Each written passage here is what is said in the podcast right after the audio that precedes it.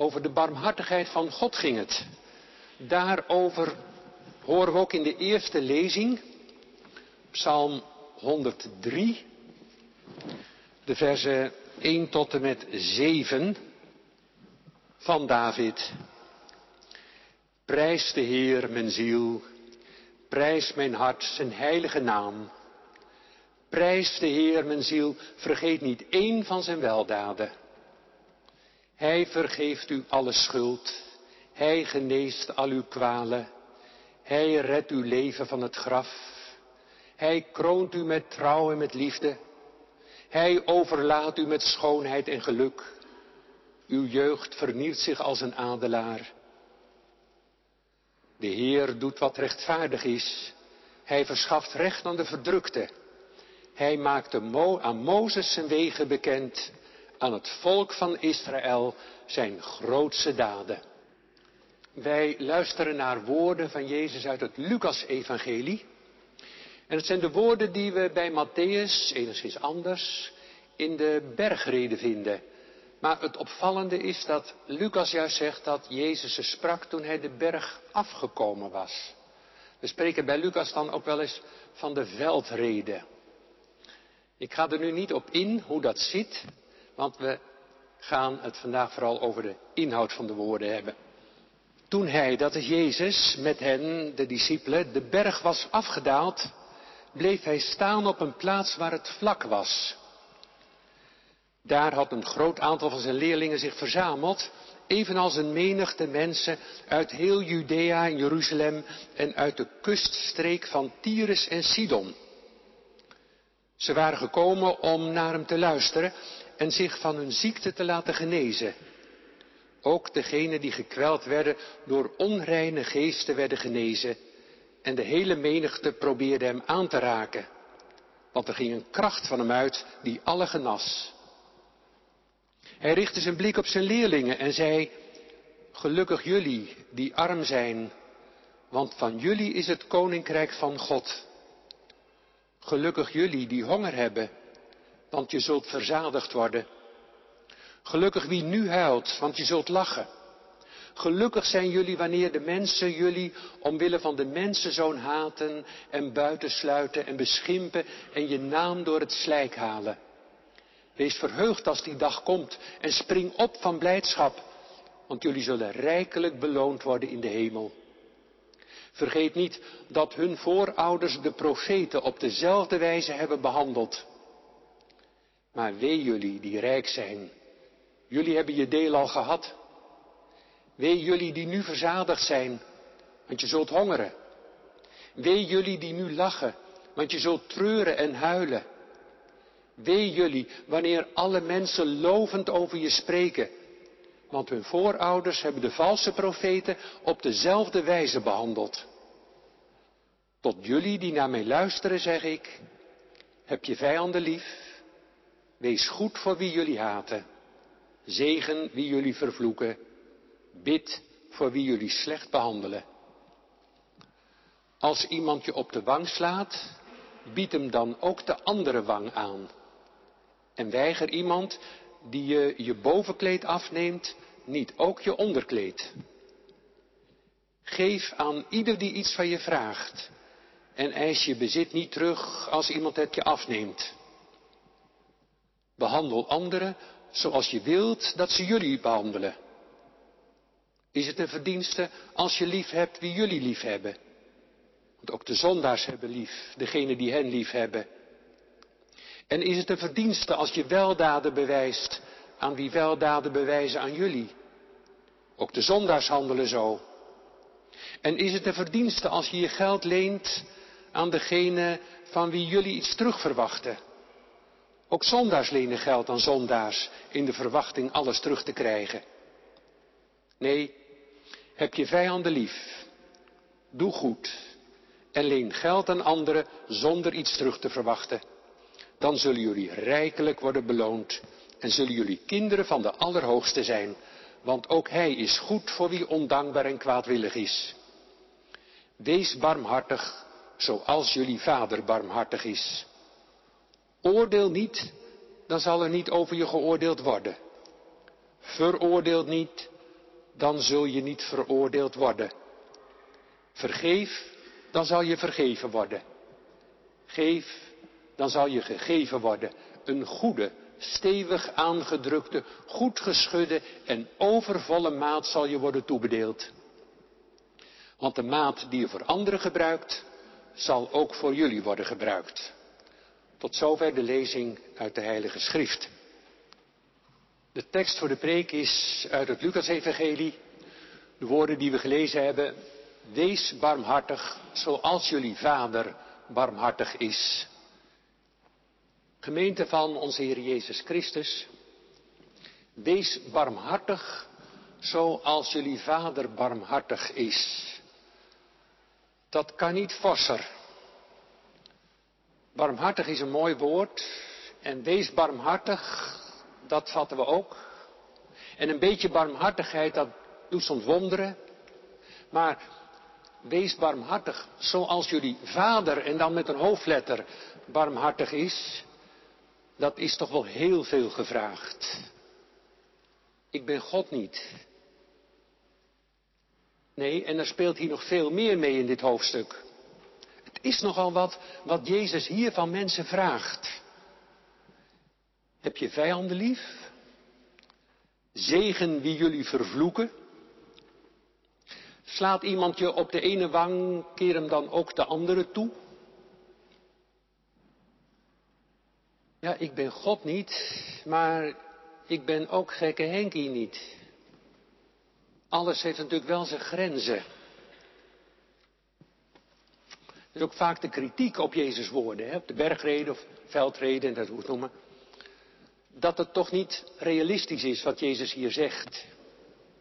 Christelijke ethiek in het spoor van Jezus is vaak de kritiek, is veel te hoog gegrepen. Dat haalt toch niemand. Veel meer dan, dan gewone sterveling op kan brengen. En dan denk ik dat die ethiek, zal ik het maar even noemen, die hier naar voren komt, wel realistisch is. En dat het realisme eigenlijk vooral zit in die laatste woorden. Zoals jullie vader barmhartig is. Kijk, er is natuurlijk een groot gevaar bij het lezen van de bergreden, van de veldreden dat we denken dat Jezus altijd maar van ons vraagt om de minste te zijn.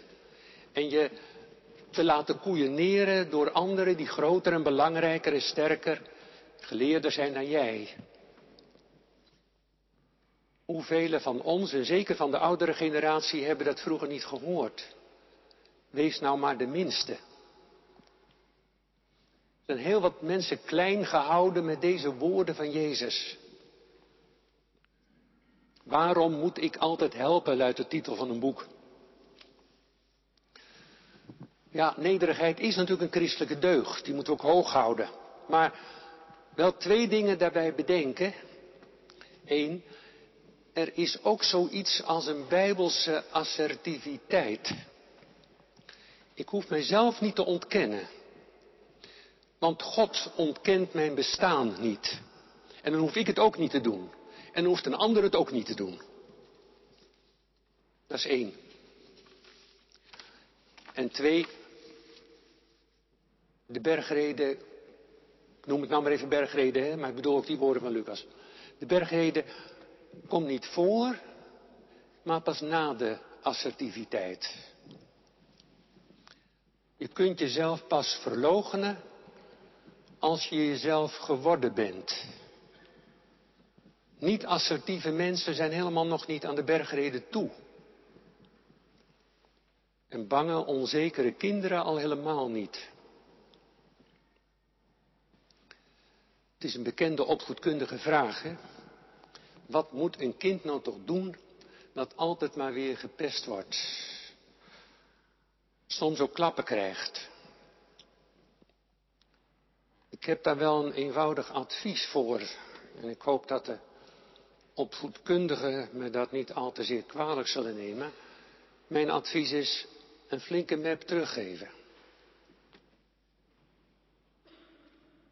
Want die woorden van Jezus, van die wang, hè, die zijn bedoeld voor mensen die hun kracht hebben gevonden. Dan kun je het in de praktijk brengen. Stel je voor, je hebt een klap gekregen. En dan loop je niet weg, maar dan ga je voor die ander staan. En dan draai je je hoofd naar hem toe en dan zeg je, wil je nog een keer slaan? Kijk, dat is power.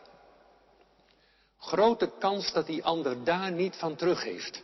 Hij had veel verwacht, maar dat niet. En als dat bange kind een stevig mens is geworden, dan mag het dit woord van Jezus gaan uitproberen. Hoe dat werkt. En als we dit allemaal niet meenemen, dan wordt de bergrede een vreselijke krachttoer waar we nooit aan kunnen voldoen. Dan gaan we ook inderdaad meer op gekke Henkie lijken dan op God.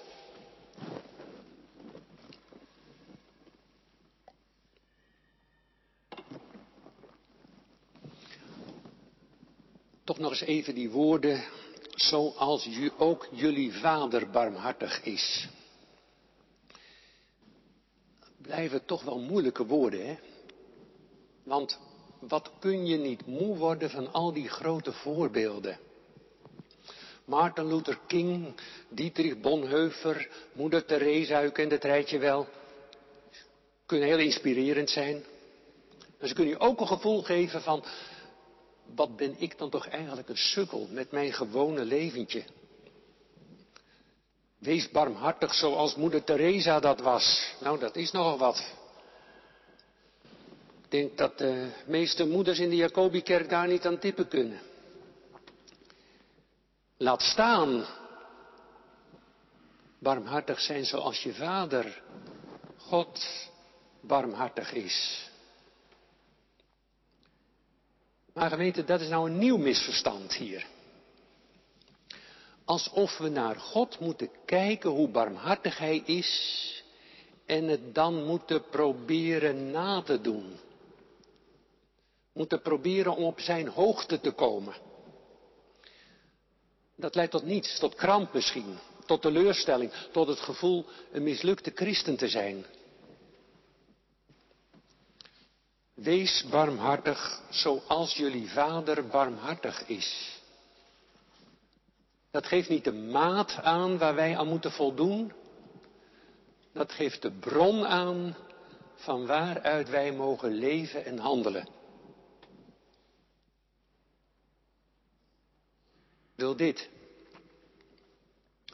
Kijk nou eens terug in uw leven. Hoe bent u nou liefde en barmhartigheid op het spoor gekomen? Ik hoop natuurlijk door uw ouders. En als die er niet waren, want sommige mensen hebben een verdrietig verhaal. Als die er niet waren, dan hoop ik toch dat er in uw omgeving een lieve tante of opa of buurvrouw of meester was die u zag Mensen met wie je aan, met warmte en genegenheid aan kunt terugdenken. En hoe is dat toen gegaan als u terugkijkt? Heb u die liefde en barmhartigheid nou van die man en vrouw afgekeken en het toen nagedaan? Nee. U hebt ervaren wat liefde is. Barmhartigheid, mildheid, zorg van Hem van haar. U hebt het ondergaan, diep van binnen. Daar hebt u geleerd wat barmhartigheid is. Toen bent u ook een beetje barmhartig geworden. Beetje bij beetje. Met vallen en opstaan. De een heeft er meer van geleerd dan de ander. De een heeft ook meer meegekregen dan de ander. Begrijpt u dat punt van Jezus nou? Waarom het zo belangrijk is dat hij niet alleen maar zegt, wees barmhartig, maar dat hij zegt, wees barmhartig zoals je vader barmhartig is. Zoals je vader voor jou barmhartig is. Voor jullie. Zoals hij jullie zijn liefde heeft laten ervaren. Wees dan zo ook barmhartig voor elkaar. Dat is de orde van het heil. Ontvangen gaat voorgeven.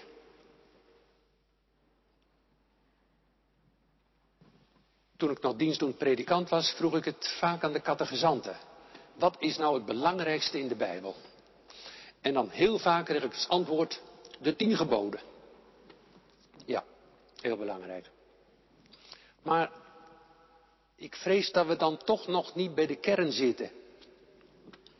Tenminste, laten we duidelijk zijn, de tien geboden beginnen niet met de tien geboden. Hè? De tien geboden beginnen met de aanspraak. Ik ben de Heer, je God, die je bevrijdt, die je uit het slaafhuis van Egypte heeft geleid.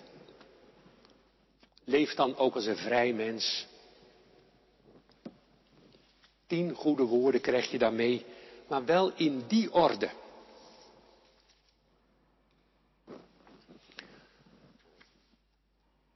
Even zijpad. Matthäus heeft op deze plek niet wees barmhartig, maar die, die zegt wees volmaakt zoals je hemelse vader volmaakt is.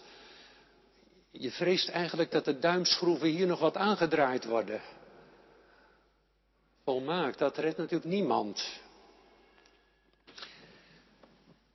Ik moest denken aan een roman die ik een poos geleden las van de Engelse schrijver Patrick Gale. A Perfectly Good Man. Over een dominee. Maar die man is helemaal niet perfect. Die laat nogal wat steken vallen. Die verwekt zelfs een kind bij een andere vrouw. Wel een mens die weet van zijn eigen tekort. Een barmhartig mens, ook in al zijn falen. Of misschien wel juist door al zijn falen. Ik denk ook dat er nooit een betere paus geweest is dan Petrus, hè? want die wist natuurlijk dat hij de Heer had verlogend. En ik denk dat Matthäus dat bedoelt. En dat hij eigenlijk niet zo ver van Lucas afzit. Barmhartig. Niet oordelen, zegt Jezus. Natuurlijk moet de mens soms een oordeel geven, dat kan niet anders. Maar pas op met veroordelen. Afschrijven. Dat meisje dat er ouders nooit meer wil zien. Dat vinden we natuurlijk helemaal fout. Maar weet jij wat er allemaal heeft plaatsgevonden?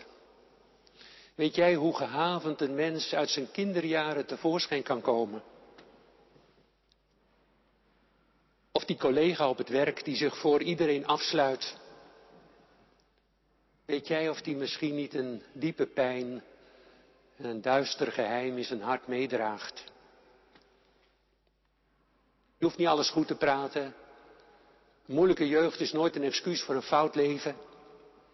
Maar een beetje barmhartigheid scheelt zoveel. Jezus zegt toch ook nog iets over balk en splinter. En ook over vergeving. Wees royaal met vergeven. Ik weet dat is ook een heel ingewikkeld verhaal. En je kunt ook te snel zijn met vergeven. Maar het blijft staan dat we altijd weer moeten zoeken naar die weg van vergeving en verzoening. Wees barmhartig, ook omdat die ander misschien zoveel minder barmhartigheid heeft meegekregen dan jij. En dat hij daarom zo slecht heeft geleerd wat barmhartigheid is.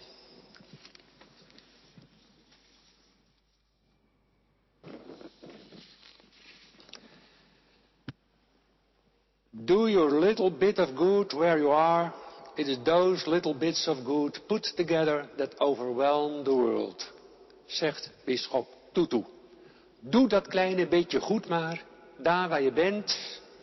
Het zijn die kleine beetjes samen die de wereld zullen overweldigen. Daar heb ik lang over nagedacht. Of dat nou waar is. Die kleine beetjes goed die wij met elkaar doen redden die de wereld. Het gaat er natuurlijk niet om of we dat doen moeten, hè? Dat, is, dat, dat is buiten kijf. Maar ik ben vaak zo onder de indruk van het, het kwaad, hoe machtig dat is. Eén terrorist die in één minuut zoveel onheil en kwaad en pijn en gemis kan veroorzaken pijn die jaren doorwerken, werkt. Hoeveel barmhartigheid is er niet nodig om die pijn en nood een beetje te lenigen. Hoeveel kleine beetjes goed worden er in onze wereld niet gedaan om deze wereld te redden van, van de ondergang, zeg maar. Mensen die, inderdaad, little bits of good, mensen die zwerfvuil oprapen, mensen die bezig zijn om de plastic soep uit de oceaan te vissen. Nou ja, kunnen we even doorgaan. En dat moeten we ook steunen, moeten we blijven doen. Dat zijn die kleine beetjes. Soms bekruipt me de angst dat het te weinig is en dat het te laat is. En uiteindelijk val ik toch terug op de grote barmhartigheid van God. Dat is mijn ultieme hoop dat Hij deze wereld en ons mensen draagt. Die barmhartigheid waar de Bijbel vol van staat en waar het leven van Jezus ook vol van is. Denk maar aan zijn woord en de gelijkenis van de verloren zoon, eigenlijk van de barmhartige vader. En de gelijkenis van de barmhartige Samaritaan. Denk eens aan daden als hij bij Zacchaeus binnengaat, waar niemand binnen wil gaan. Als hij de zondares zijn voeten laat wassen, niet terugstuurt. Denk aan zijn kruis en opstanding, liefde voor vijanden, het offer van zijn leven. Denk aan zijn belofte dat hij met ons is alle dagen van ons leven tot aan de voleinding van de wereld. Dat er dus een voleinding is. En dat we niet met z'n allen naar de verdoemenis gaan. Naar Gods heerlijkheid. Dat is mijn ultieme houvast.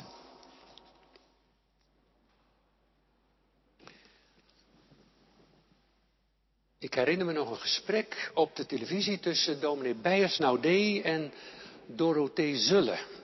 1985, niet iedereen van u is daarbij geweest. Misschien zijn die namen nog wel bekend. Dominee Beijers Naudé was een strijder tegen de apartheid in Zuid-Afrika. Kwam uit een streng Calvinistisch milieu. En Sulle was een modern theoloog die niet zoveel meer met God had en kon. Wel pleiten voor menselijkheid en compassie. En die twee komen met elkaar in gesprek en hebben natuurlijk wat met elkaar, vinden elkaar veel punten, maar dan komt er ook een moment waarop Beiersnaudet aan Sulle vraagt, vind jij dan in jezelf de kracht om alles te doorstaan wat er op je af zal komen, aan teleurstelling, aan afwijzing, aan miskenning? Ja, dan, daar houdt het bij Sulle op. Als het bij mensen ophoudt, houdt het voor haar op. En voor Beiersnaudet blijft er dan een belofte van God staan. En dat moet ons natuurlijk nooit ervan weerhouden om de barmhartigheid en de rechtvaardigheid te beoefenen. Zoals ook deze predikant Donie Beiersnaudet dat laat zien. En barmhartigheid is ook niet altijd soft. Er is ook een strijd, er is de goede strijd om de barmhartigheid. Tegen de onbarmhartigheid. Maar toch Wees barmhartig, zoals jullie vader barmhartig is. Wees barmhartig zoals jullie vader tegenover jullie barmhartig is. Deel maar uit wat je zelf hebt gekregen. Je hoeft niet meer uit te geven, uit te delen dan je zelf gekregen hebt. Er mag voor jezelf genoeg overblijven. Maar ontdek het maar, die stroom van barmhartigheid jouw leven raakt. En dan verder stroomt naar anderen toe. En ik weer terugkomt. En je leven opnieuw vervult. Amen.